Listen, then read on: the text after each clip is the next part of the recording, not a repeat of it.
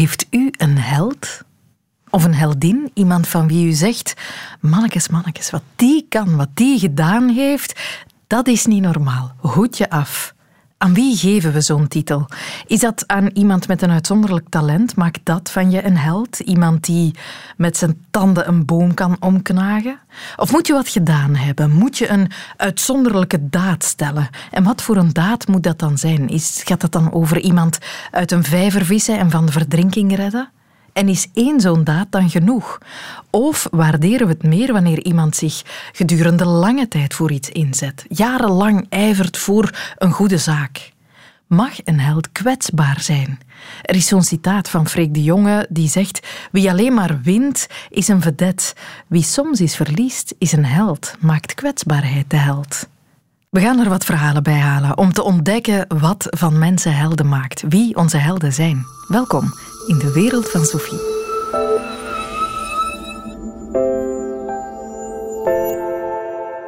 De wereld van Sophie. Niet zo lang geleden overleed Marike Vervoort, onze bekendste rolstoelatlete. Ze koos voor euthanasie toen de pijn haar leven steeds meer begon te overheersen. Een indrukwekkend persoon die zo lang is blijven gaan en gaan en gaan, ondanks alle tegenslag die haar ziekte, dat een zeldzame spierziekte, met zich meebracht. Zilver en goud haalde ze op de Paralympische Spelen en dat valt nu wel op. Dat wekt ontzag bij heel veel mensen als je kijkt naar de enorme stroom aan reacties die er kwam na haar overlijden komt er eigenlijk op neer dat ze een van de uh, moedigste krijgsters was die ik gekend heb.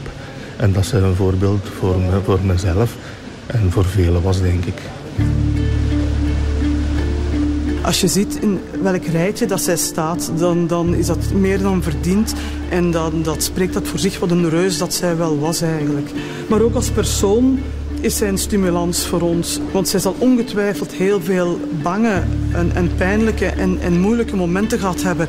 Die zij toch wel met ook de persoon die zij was zo'n drive kon geven naar de buitenwereld toe. Van hoe pijnlijk en hoe zwaar het ook is. Er is wel altijd ergens iets om voor te vechten. Dat zag je in haar sport, maar dat zag je ook hoe dat zij in haar, haar gewoon leven eigenlijk met haar ziekte omging. Ik hoop dat iedereen van ons een beetje meer Willy B in zich zou hebben. Dan zouden we vaker het glas half vol zien dan half leeg. Ze was uh, een icoon, uh, sportief, maar ook als mens. Uh, haar doorzettingsvermogen en haar, positivisme, hoe ze in het leven stond, ehm, heeft toch wel heel veel Diestenaren geïnspireerd, maar ook verder buiten, denk ik. Ja, zij is een inspiratiebron geweest voor heel veel mensen, zonder twijfel. En ze zal dat ook blijven. Haar doorzettingsvermogen was, was onuitputtelijk. Ze groette ook iedereen. Ze heeft nooit uh, sterallures gehad. Uh, volle kracht, volle doorzetting. En dat is voor mij het beeld dat altijd zal bijblijven van Marike. Voor mij was ze een voorbeeld. Een voorbeeld van uh, iemand die, uh, zoals men zegt, als je het zelf goed hebt, dan moet je juist veel goed doen voor anderen. Zij was eigenlijk die het niet goed had, want ze had een verschrikkelijke ziekte. En daar keek ze elke keer tegenop, ondanks haar sportprestaties. En toch probeerde ze voor veel mensen goed te doen. Met, met haar honden en et cetera, et cetera. En de wilskracht die ze had en ook de, de, de, visie die ze had, maar vooral de vele pijnen die ze had, ja, die zullen in mijn hele leven mij bijblijven, denk ik. Ik heb grote bewondering, want zij heeft een, de weg van het lijden gegaan, het, een echte pijnlijke weg. En altijd die moed om, om toch nog een aantal dromen te willen vervullen. Vooral toen zij zich wilde engageren om toch nog een keer Paralympisch te gaan. Ik kan alleen mijn hoofd buigen voor zoveel de, de strijd is gestreden, maar nu, nu mag ze rusten. Ik denk dat het nu goed is voor haar, want alle lijden moet niet lijden blijven. Ze is altijd moedig en sterk geweest. Een supervrouw. Een supervrouw, Marieke Vervoort, was een heldin. We zien het onszelf zo gauw niet doen wat zij deed. Ik had het erover met Walter Wijns, cultuursocioloog is hij aan de Universiteit Antwerpen. En ik vroeg hem of hij als socioloog kon aanstippen waaraan zij haar heldenstatus ontleende. In haar geval moeten we denken aan haar strijdlust. Dat is, dat is een, echt een basiskenmerk van een held al sinds de oudheid. Hè. Mhm. Uh, het gaat om het vechten en eh, zoals u daarnet ook verwijst naar het uh, citaatje van uh, Freek de Jonge, niet per se altijd overwinnen, maar werkelijk bijna met de dood in ogen de strijd aangaan. Ja, dat, dat kan op velerlei gebieden. Uh, in eerste instantie gaat het letterlijk hè, om het vechten. Dus de, de, de, de oerbron, laten we zeggen, van het heldendom, dat is natuurlijk uh, de oorlog, hè, dat is de krijg. Mm -hmm. Uh, vandaar dat wij onze soldaten ook vaak nog helden noemen, hè? Mm -hmm. ook al zijn ze gesneuveld. Maar het gaat dus werkelijk om oog in oog met de dood proberen de grenzen te verleggen van uw eigen leven. Ja, dat citaat van Freek de Jonge was: Wie altijd wint is een vedet. Wie soms verliest is een held. Die rampspoed, die tegenslag hoort bij het heldenverhaal. Ja, hoewel het ook wel zo is dat de helden in, en spreek eventjes over, laat maar zeggen, schriftloze culturen, stammenculturen, daar gaf men soms aan krijgers die anderen hadden overwonnen een naam volgens het aantal overwonnenen. Dus dan kon je een, een, een, tiental doden gemaakt hebben of een twintigtal doden enzovoorts. En naar gelang het aantal kreeg je dan een andere naam. Dus hoe meer je bleef winnen, hoe groter uw uw aanzien. Maar toch, uh, helden zijn sterfelijk. Hè? Een, mm -hmm. een, held is niet onsterfelijk. En ook dat is een, een zeer belangrijk element, denk ik, in het heldendom. De held sterft, maar hij blijft leven, namelijk in de nagedachtenis. Uh, hij wordt geroemd. De roem is als het ware de nagalm van het leven van, van de held. En dus het heldendom, dat dwing je af door ontzag te krijgen van mensen. En zodanig dat ze er nog jaar, jaren en, als het even kan, eeuwig blijven over praten. Ja, ja daarin zal uh, haar vroege dood, als het in het verhaal van Marike Vervoort dan, haar keuze voor euthanasie, die velen ook wel dapper zullen vinden, die zal ook wel een rol spelen in ja, het tot held verheffen van, uh, van haar. Ja, we, we zien dat als een, een manier waarop je je leven zelf probeert te leiden. Hè? En ook dat wordt gezien als een voorbeeld van heldendom. Uh, iemand die zich niet de wet laat voorschrijven, maar die blijft strijden, die grenzen verlegt. En dus in een aantal opzichten heeft ze wel er vallen, laten we zeggen, een aantal puzzelstukjes samen in haar leven die haar inderdaad tot, ja, tot een bijzondere vrouw maken. Uh, en die haar inderdaad geschikt maken voor het heldendom, zou je kunnen zeggen. Mm -hmm. ja. We hebben het graag, hè, helden. Elke tijd in de wereld, elke plek, elke gemeenschap heeft zijn held of helden. Wat brengen ze ons? Wat, wat zoeken we erin? Uh, het is al vaak gezegd bewondering. Dus we kijken op. Uh, wij mensen, gewone mensen, hebben toch de indruk dat we soms een beetje in, in de modder van het alledaagse leven, van het alledaagse levenspad blijven steken. En ja, dan zien we daar plotsklaps mensen die zich daarboven verheffen en dan krijgen we uh, bewondering daarvoor. En dat kan inderdaad op allerlei gebieden. Hè. Mm -hmm. denk, denk maar aan de helden van de arbeid. In de Sovjet-Unie had je zo een, een, ja, een buitenmaatse figuur, een Stakhanov, die, die werkelijk tien keer zo hard werkte als, als de rest, of althans vermeend uh, uh, harder werken. Maar goed, mm -hmm. in ieder geval, die kreeg zo'n status. Of in de wetenschap, ja, wie kent er niet Marie Curie? Die mm -hmm. bleef werken, bleef onderzoek doen, ook al wist ze dat dat onderzoek absoluut niet gezond was. Hè. Uh, maar ze deed het toch maar en ze heeft twee Nobelprijzen gekregen, dus dat is natuurlijk fantastisch. Hè? U zei daarnet, uh, we zien helden al sinds de oudheid. Ze zijn er altijd al geweest, het, onze helden. Ze horen bij de mens. Het is niet dat we ze ergens zien ontstaan, of wel? Je hebt verschillende types van helden. Hè. Dus ik vrees daar net aan, aan die in de antropologie bekende figuur van de, de held slash doder. Hè. Dus dat is werkelijk mm -hmm. de onoverwinnelijke krijger die dan ja, bij zijn allerlaatste gevecht dan toch blijkt uh, overwinnelijk te zijn. Dat is eigenlijk de oergeboorte van de held. Hè. Dat is uh, op het slagveld. Maar dan heb je inderdaad hè, dus de, de geweldige rijkdom in de oudheid aan, aan helden. En daar waren er heel veel. Je kunt het een beetje vergelijken met uh, onze uit de middeleeuwen uh, stammende uh, patroonheiligen. Hè. Dus. Je hebt ook voor van alles en nog wat. Ieder beroep heeft zijn eigen patroonheilige, ieder activiteit. Zo had je dit in de oudheid ook. ja, je had voor alles en nog wat een heros, een, een, een held. Hè. Um, en dat waren dan inderdaad ja, uh, voorbeeldige figuren, maar soms betekende dat niet zo heel veel. Degene waar we nu nog over praten, de helden uit de oudheid, dat zijn natuurlijk de grote helden van het slagveld. Hè, die, die, die het mooie weer gemaakt hebben in de Ilias en zo. Zo'n Achilles of zo, ja, dat uh, is nog eens een type. Hè? Uh, mm-hmm. Die uh, draaide zijn hand niet om voor een dode meer of minder. Dus dat is het heldendom. Hè. Blijven vechten en doden. En sterker worden, groter worden In de antropologie heet dat dan manna. Hè, dus je, naarmate je andere dood, word je zelf sterker. Mm. Dus naakjes, in de sport is dat ook zo natuurlijk. Hè. Dus je overwint de andere en je wordt er zelf groter door. Ja, ja, ja, Eh, ja. Eddie Merckx heet niet toevallig kannibaal natuurlijk. Hè. Dus Dat die- is waar. die vrat, eh, niet letterlijk, maar figuurlijk de andere op en werd daardoor groter. Dus dat is de figuur van, van, van de held. Ja, ja, ja, ja. Vereren we ze op een andere manier vandaag dan vroeger? Vroeger ja, werden heel vaak standbeelden gegeven aan helden. Is dat geëvolueerd?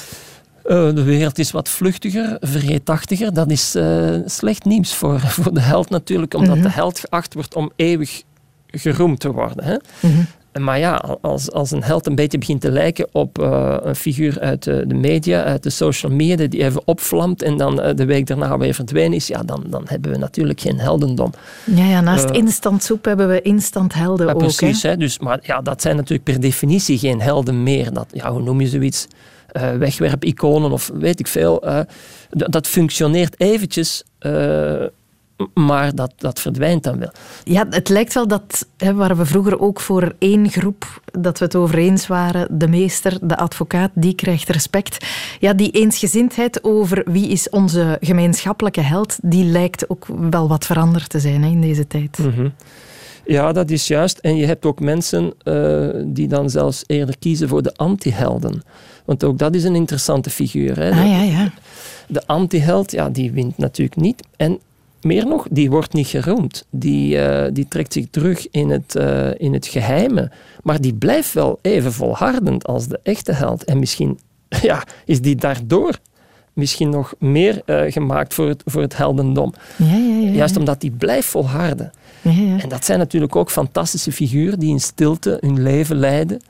Beetje hardnekkig, broedend op wat ze belangrijk vinden Mhm. en daaraan vasthouden. Ik denk nu bijvoorbeeld aan, aan de, ja, de vader van Joachim Vest. Joachim Vest is een historicus die aan het einde van zijn leven een mooi boek geschreven heeft over zijn vader. Mhm. En dat was iemand die in de nazi-tijd eh, zijn job verloren is om, of heeft omdat hij ja, hij ging niet mee. eh, met, hij werd geen lid van de partij. Hij bleef zich eh, kritisch opstellen. Ja, en dat kon niet. En die werd van langzaam meer naar de marge geduwd. Hè. Mhm. En ook zijn kinderen werden van langzaam meer naar de marge geduwd. En de tragiek werd helemaal eh, opgedreven toen een van zijn zonen tijdens de Tweede Wereldoorlog werd opgeroepen om te gaan vechten, stierf. En daar zit je dus met iemand die zijn zoon moet afgeven op het slagveld en die eigenlijk ja, door die hele samenleving die zijn zoon heeft opgeofferd, tussen aanhalingstekens, gemeden wordt. Mhm. En die toch in naam van, wat hij dan zelf zag als de burgerlijke waarheid, laten we zeggen de liberale vrijheden en zo, die toch bleef volharden.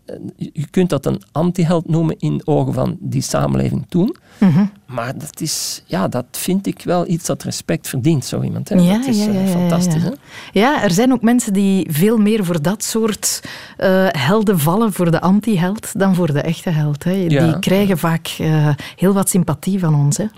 Maar het is een ander soort eh, sympathie Ja, dan die voor de held. Ja, ja, het is niet de, de, degene die geroemd wordt. Hè. Het, is, het Mhm. is eigenlijk degene die, eh, die ja, in stilte daar zit eh, te volharden, te broeden. Mhm. En soms moeten we moeite doen. Eh, ja, weet je, je zou kunnen zeggen, er, er zijn heldinnen hè, natuurlijk. Maar je zou kunnen zeggen dat heel veel vrouwen een dergelijk bestaan hebben geleid hè, in het verleden. Mhm. En, en, en vandaag, vanuit de feministische lezing van, van de geschiedenis, worden zulke mensen af en toe, laten we maar zeggen, opgedolven. Ja. Denk bijvoorbeeld aan de begijnen of zo. Ja, ja, ja, ja, ja. En dat zijn vaak heel sterke vrouwen, waarvan je zegt, verdorie, die deden het toch maar eens eventjes, hè, tegen, de, tegen de wind en, en, en het slechte weer in. Ehm, om het zo te zeggen, ehm, in, in die patriarchale samenleving hebben zij toch maar even hun eigen waarden proberen overeind te houden. En zo kan je decennia en eeuwen later nieuwe helden of heldinnen tevoorschijn toveren, vergeten helden. Dat overkomt jammer genoeg verschillende helden, dat na een aantal jaren de naam en de heldendaad vervaagt in de herinnering. Er is zo'n verhaal van een zeer dappere kerel die wij botweg vergeten zijn. Maar die gelukkig in één klein dorpje in Wallonië nog jaarlijks geëerd wordt. In Les.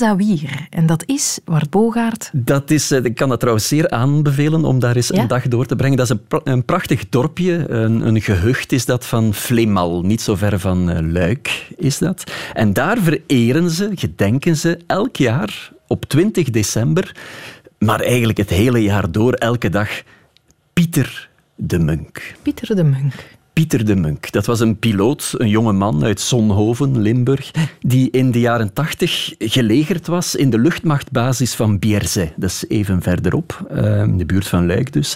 En die, Pieter de Munk, die heeft op 20 december 1989, dus bijna 30 jaar geleden, een heldendaad verricht waar ze in dat kleine dorpje Les Awiers nog altijd over spreken. Mm. Iedereen van jong tot oud. En ik ben daar gisteren toevallig beland uh, op een vergadering van Qualité Village. Qualité Village? Qualité Village. Dat is een soort buurtcomité dat de jaarlijkse hommage aan Pieter de Munk coördineert. De voorzitter van dat comité is mevrouw Marie-Thérèse Portier. Dat is een enorm actieve, zeer geëngageerde vrouw van in de tachtig. Maar je moet eens horen, Sophie, wat voor emotie er bij haar boven komt als je nog maar de naam Pieter de Munk laat vallen. Pieter de Munk, pour nous, c'est un, un héros. C'est un garçon, 26 ans.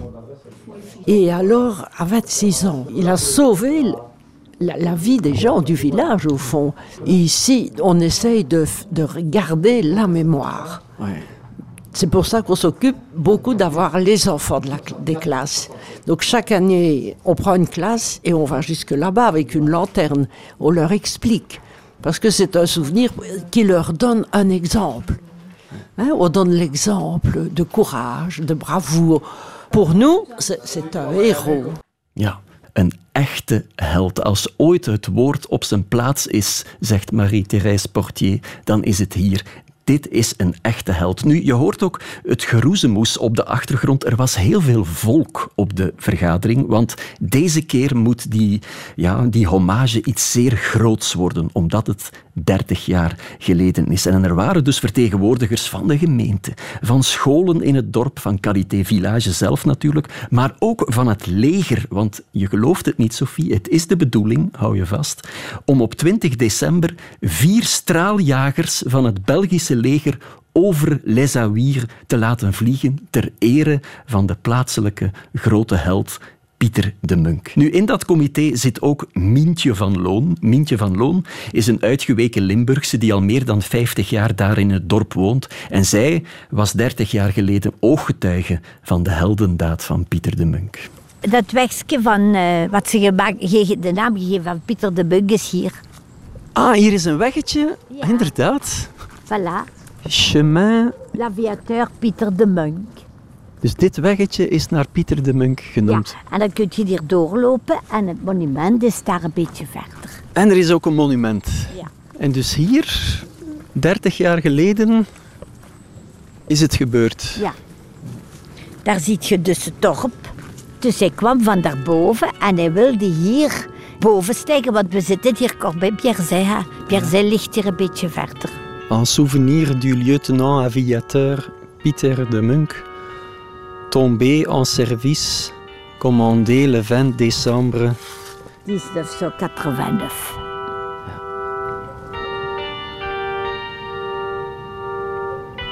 Het was een paar dagen voor kerstmis. Het was rond één uur namiddag. En in één keer hoorde ik een heel groot geluid. Want we zijn toch al gewend van die militaire vliegtuigen te horen. Maar dit was heel anders. Te groot. Het geluid was te groot. En toen in één keer zag ik daarboven, uh, door de venster zag ik daarboven, een, die grote uitlaatbuis van dat vliegtuig. Ik dacht, wat is dat voor iets? En toen ben ik heel snel naar boven gegaan en gekeken langs het venster en ik zag dat er naar beneden duikte. Ik dacht, oei, daaronder ligt de cité, daar ligt de school, daar ligt de straat, daar liggen huizen. Wat gaat er gebeuren? En dan zie ik dan dat er zijn twee uh, benzinereservoirs naar beneden laat vallen. En dan gaat er een klein beetje terug naar boven. En dan, dan ja, dan is het te laat. Hij gaat tegen de. Hè. En dat zijn de rotsen.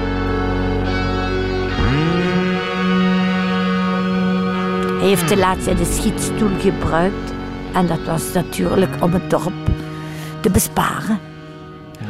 Want als hij wel eens een schietstoel had gebruikt, dan zou het vliegtuig... Op het dorp gevallen zijn. En dan zou er een enorme ramp geweest Ah zijn. ja, dat was het enorme ramp. Want als eenmaal het, uit het vliegtuig, ja, dat vliegtuig dat gaat gewoon naar beneden. Hè. En dan natuurlijk, ja, dan zou het op, eh, op die cité, op de school, en, en daar in die, in die kant gevallen zijn. Hè. Dus hij heeft zijn leven gegeven om dat Ja. van jullie te redden. Ja. ja, dat kunnen we zo zeggen. Voor een jongen van 25 jaar. En daarom blijven jullie hem eren. Ja. Het is in ons dorp gebeurd. Dus de kinderen van ons dorp zeggen we soms: stel u voor dat 30 jaar geleden uw papa, uw grootvader, dood was gebleven omdat hij militair het vliegtuig had verlaten. Hè? Dan was het iets anders geweest. Nu zit je daar. Dus hij is gestorven omdat jij allemaal zoudt leven.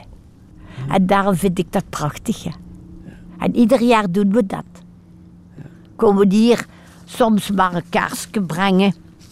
Maar nu, 30 jaar geleden, dat moet iets speciaals worden. En iedereen wil meewerken. Het leger, de gemeente.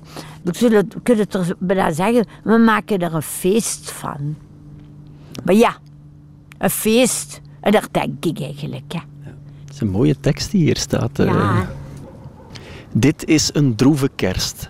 Maar trots gedenken wij een felle zoon, een lieve broer, een blije vriend. Uit vouwen van herinneringen ontplooien wij omzichtig teder zijn gelaat. Zo zal voor ons altijd zijn koene glimlach blijven zingen. Zijn gouden vleugels liggen uitgespreid te wachten op het kussen van Gods heerlijkheid. In memoriam Pieter de Munk. Zien we die mooie foto van Pieter de Munke. En een mooie jongen, hè? hè? Jammer, hè? hè? Maar ja, wij mogen langs de andere kant blij zijn hè? dat wij er zijn. Maar hij is er niet meer, hè? Hij heeft zich opgeofferd voor ons, hè?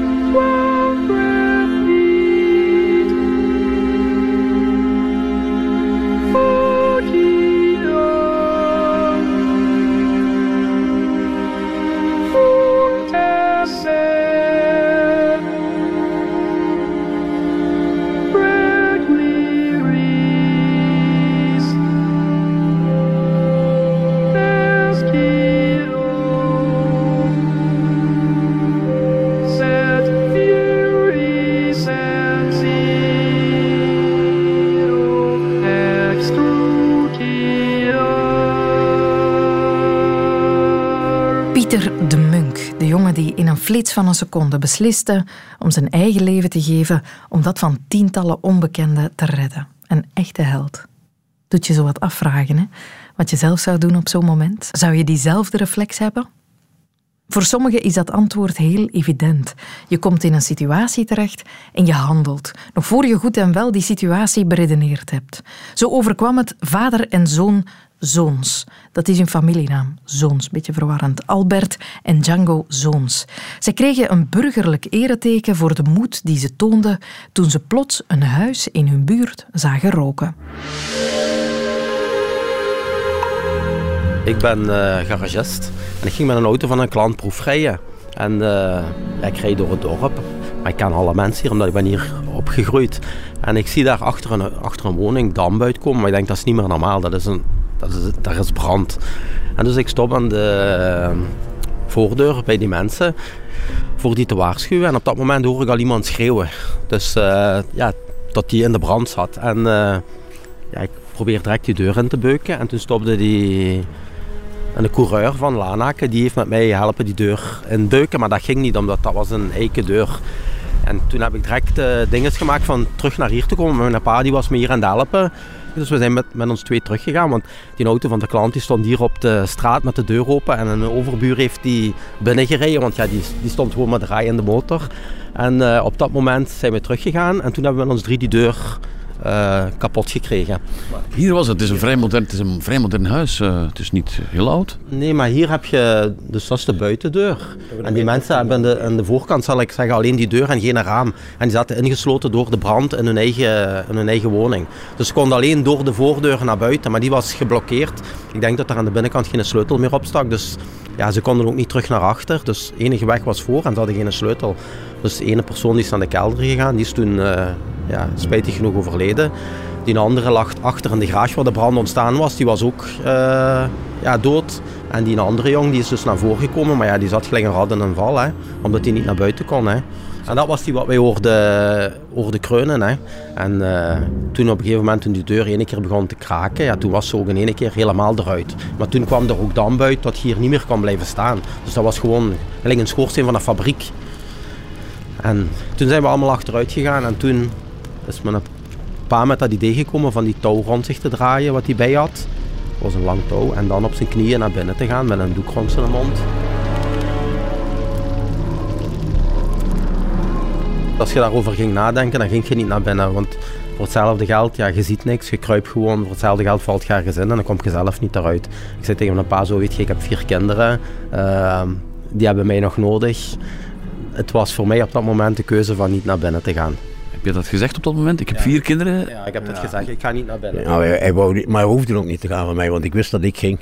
Ja, maar jij hebt ook kinderen. Je staat naast Ja, maar grote kinderen. Dat zijn ja, maar, maar ik kan er ook niks aan doen dat ik zo ben, inderdaad. Ik denk niet na.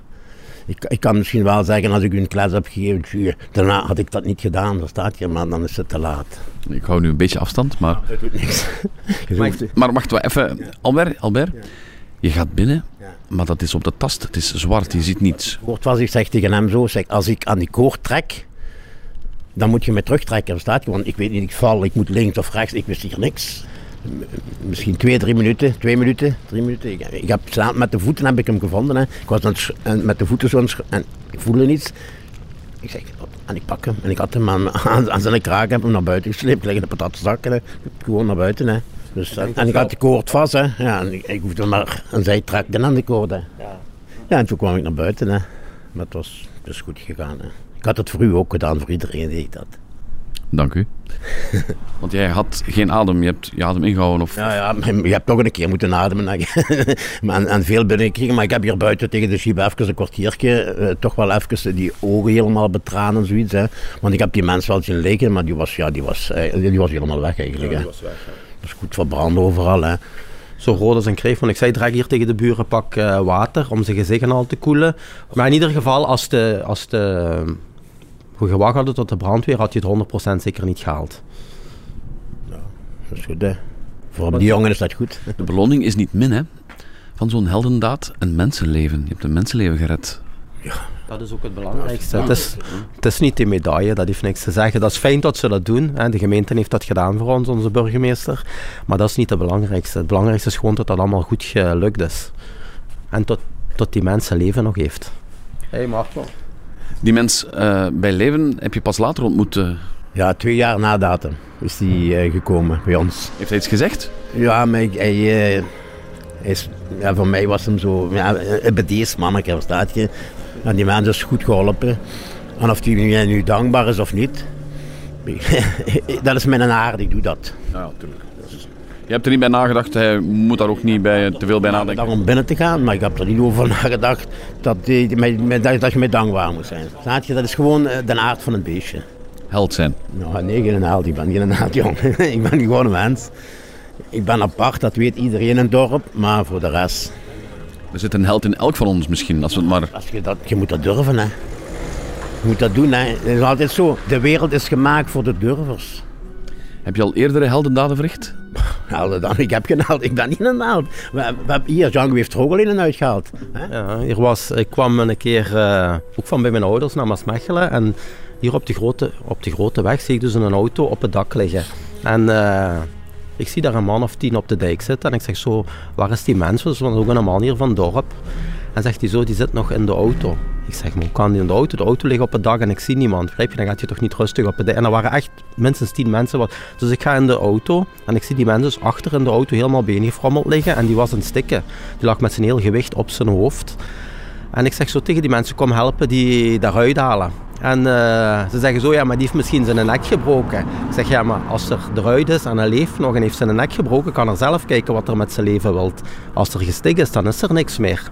Maar er was niemand wat kwam helpen. En toen was er een, een para van Borsum, die kwam langs en die stopte en die zei onmiddellijk, kom ik help je. Maar dat was een kerel van misschien 120 kilo. Ja, als die uh, bewusteloos is, die krijg je niet zomaar uit een auto. Dus ik heb die met hem eruit gehaald. Die lag daaruit, zijn gezicht was helemaal bebloed. En die was gestopt met ademen. En uh, ik pak mijn t-shirt, ik wil zijn mond afvegen voor hem te reanimeren. En op dat moment begint hij terug te ademen, omdat zijn luchtwegen terug vrij waren. En uh, een half uur later was zijn ambulance daar, die was nog buiten Westen. S'avonds is zijn vrouw naar ons thuis gekomen voor ons te bedanken. En twee of drie dagen daarna was die mens terug thuis. En dus had hij niks als kneuzingen. En denk ik zo, als hij had moeten wachten tot de ambulance of de brandweer daar was, ja, dan was hij misschien hersendood, omdat hij geen zuurstof had gekregen, want die was aan het stikken. Dus maar ja, ze zaten allemaal te kijken en niemand reageerde. Ze waren bang om iets verkeerd te doen. Ja, in zo'n situatie kun je niks verkeerd doen. Je kunt alleen maar goed doen. En als het dan niet goed afloopt, ja, dan heb je gewoon pech gehad. Wat je nodig hebt op zo'n moment is een held. Hmm. Nee, gewoon iemand wat actie onderneemt, geen held. Iemand uit een heldenfamilie. We kunnen elkaar begrijpen zonder woorden. We hoeven maar naar elkaar te kijken en dan weet ik al wat er moet. Zoveel mogelijk mensen redden. ja, nee, nee, nee. Ja. Als dat moet wel, geen probleem. Vader en zoon Zons, superhelden uit Maasmechelen. En over superhelden moeten we het ook wel eens hebben. Onze fictieve Batmans, Spidermans, Catwomans, Avengers, die de comics en de cinemaschermen sieren. Doorgaans in strakke pakjes, gemaskerd en altijd in de weer om van hun wereld een betere wereld te maken. We smullen ervan. Maar waar komen die specifieke helden, die strakke rakkers vandaan? Een vraag voor docent media en cultuurwetenschappen aan de Universiteit van Utrecht, Dan Hessler Forrest. De superhelden zijn een product van de, de Amerikaanse pulpliteratuur van het begin van de 20e eeuw. En uh, in de jaren 30 nou, waren die eigenlijk op hun hoogtepunt. En toen uh, werden de superhelden een ongekend populair fenomeen. Het is eigenlijk heel moeilijk voor te stellen voor een modern publiek, omdat stripboeken tegenwoordig al jaren meer een soort ja, een, een niche medium, een soort cultmedium zijn. Uh, maar die gingen met miljoenen vlogen die dingen over de toonbank in de jaren 30. Het was een uh, vorm van uh, ja, spectaculaire visuele cultuur die, voor, die heel laagdrempelig was. Dus je hoefde niet heel goed voor te kunnen lezen. Het was goedkoop. Het was een vorm van wegwerpcultuur. En het waren natuurlijk allemaal hele ja, snelle, spannende verhalen. Die niet alleen door kinderen, maar eigenlijk door de hele Amerikaanse samenleving uh, met ja, gigantische aantallen werden geconsumeerd. Mm -hmm. um, en ze, waren, ze maakten ook heel snel de overstap naar radio, naar film en dan in de jaren 50 naar televisie. Uh, en ze leenden zich natuurlijk heel goed voor allerlei vormen van reclame, zodat ze al heel snel ja, eigenlijk overal te zien waren. Dus op de dozen van uh, muesliverpakkingen, Ah, ja. uh, op ja, boterhamdoosjes die kinderen mee naar school namen, op pyjama's. eigenlijk was het binnen een mum van tijd zo dat vanaf de jaren 40, 50 dat superhelden eigenlijk alle onderdelen van onze populaire cultuur hadden gedomineerd. En dat is natuurlijk iets wat in de popart in de jaren 60 ja, al, al heel erg uh, geparodieerd en, uh, en zo werd. Ja, een fenomeen dat uh, toen al meteen opgemerkt werd. Is het ook, het is in Amerika ontstaan, is het ook typisch Amerikaans, het idee van een superheld? Ja, de superheld zoals we die kennen is eigenlijk een heel erg specifiek Amerikaans cultuurproduct. Het heeft uh, uh, ja, voor een groot deel te maken met de eigenlijk heel dubbele houding die Amerikanen hebben ten opzichte van het idee van burgerschap en regeringen. Uh, in superheldenverhalen zijn het superhelden die de problemen oplossen, waar de traditionele instituten van de democratie eigenlijk uh, niet zo goed weten wat ze erbij aan moeten. Mm -hmm. Dus uh, problemen als criminaliteit, armoede, uitbuiting, het zijn allemaal dingen die voorkomen in superheldenverhalen. En wat zien we dan elke keer opnieuw? Dat de regering eigenlijk niet zo goed weet wat ze moeten doen, maar dat een superheld die daar buiten staat het probleem voor de gewone man oplost. Dus aan de ene kant laat het zien, ja, er zijn wel problemen in de maatschappij die we aan moeten gaan. Maar het is heel Amerikaans om dat te zeggen. Dat is niet iets waarvan we onze democratische instituten, dus de politie en de regering willen inzetten. We willen eigenlijk ja, een soort ondernemer, iemand die dat alleen doet, die we kunnen vertrouwen, die boven de massa uitreist. Hè, een soort exceptionalisme, wat heel erg typisch is van Amerikaanse cultuur. Uh, en die als individu aanspreekbaar is en niet als uh, en eigenlijk geen rekenschap hoeft te geven voor hun daden. Dus het is uh, politiek gezien eigenlijk een heel rare fantasie om in te geloven. En in ja, de Europese traditie van de sociaaldemocratie en de verzorgingsstaat is het eigenlijk een beetje een. nou ja, is het ook niet zo raar dat we daar niet zoveel geschiedenis mee hebben. Dat is juist, hè. Wij hebben niet echt veel eigen superhelden. Hè. Dat blijft beperkt dan in Vlaanderen tot Susken en Wiske en Jommeke, maar echt superhelden kan je hen niet noemen, hè. Nee, zeker niet, zeker niet. En hun avonturen zijn vaak ook avonturen waarin ze de problemen toch uiteindelijk gezamenlijk weten op, te lossen. In plaats van altijd terug te vallen op één ja, sterke man. En zo zie je nou in Wisteren natuurlijk dat die Rommeke eigenlijk heel veel superheldachtige aspecten heeft. Maar dat zijn kracht eigenlijk weinig voorstelt zonder de combinatie met talenten van anderen. Ja. En ik denk dat in Europese vertellingen en Europese strips zie je dus ook vaak dat het meer collectieve uh, organisaties zijn dan de individualistische superheld die uiteindelijk de problemen moeten oplossen. Mm -hmm. Wie was de allereerste in die Amerikaanse striptraditie dan? Is dat Superman? Is hij de oudste? Ja, ja Superman was de eerste. Uh, de, zeg maar de eerste officiële superheld. Hij, het was natuurlijk niet de eerste van dit soort figuren. Superman was gebaseerd op voorlopers zoals Tarzan en Zorro die ook al ja, mensen waren die uh, vanuit een, eigenlijk een aristocratische achtergrond uh, de, de middelen hadden om uh, het op te nemen voor de zwakkeren in de samenleving. Um, het was een soort verbastering van dat soort pulphelden samen met nou ja, de sterke man uit het circus. Hè, de man die, die alles kon met zijn. dus de maillot die komt eigenlijk en de cape die komen daar vandaan. En het succes van Superman was in die depressietijd van de jaren 30 was zo groot dat er bijna onmiddellijk ontzettend veel kopieën van kwamen. Dus dan kun je zeggen dat Batman en Captain America, uh, Wonder Woman, uh, Iron Man, Spider-Man allemaal toch een beetje variaties zijn op hetzelfde thema. Ze lijken allemaal gigantisch op elkaar. Hè? Dat is zo wat jammer. Hè? Er is toch een zekere armoede als het gaat over het profiel van de superheld. Ja, nou ja, aan de ene kant hè, kunnen we natuurlijk makkelijk ervan betichten dat het een soort oppervlakkige vertelling is die heel erg veel formules herhaalt. Tegelijkertijd zie je dat er in die gigantische geschiedenis die superhelden in strips hebben over, over inmiddels 80 jaar uh, bij elkaar hebben verzameld, dat er toch ja, heel veel variatie in mogelijk is. En we zien daarin, als je die geschiedenis gaat bekijken, ook voortdurend een reflectie van maatschappelijke discussies van die tijd. Dus op het moment dat de Vietnamoorlog bezig was, dan zie je dat de relatie tussen regering en superheld eigenlijk meer dubbelzinnig en meer problematisch is dan die voorheen is geweest. Dat superhelden eigenlijk liever niet willen gaan vechten voor de regering in, in oorlog. Je ziet ook in, na 11 september dat uh, ja, de vraagstukken van ja, waarom vertrouwen we zo op superhelden om onze problemen van ons op te lossen in deze verhalen dat die ook binnen die stripboeken niet zo makkelijk te beantwoorden is.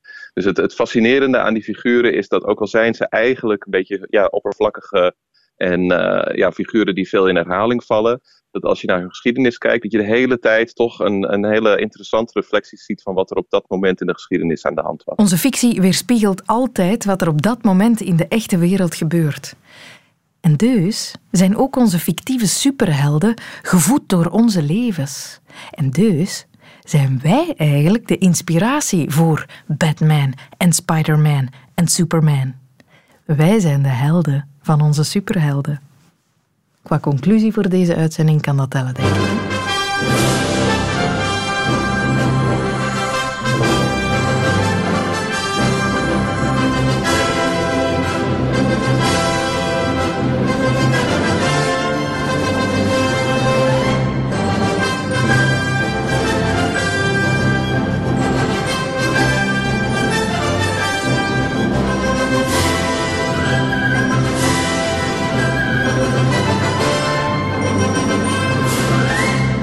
Was de wereld van Sophie over helden.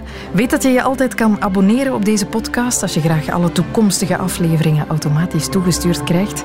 En uiteraard zijn we er ook elke weekdag tussen 10 uur en 12 uur op Radio 1. Tot gauw.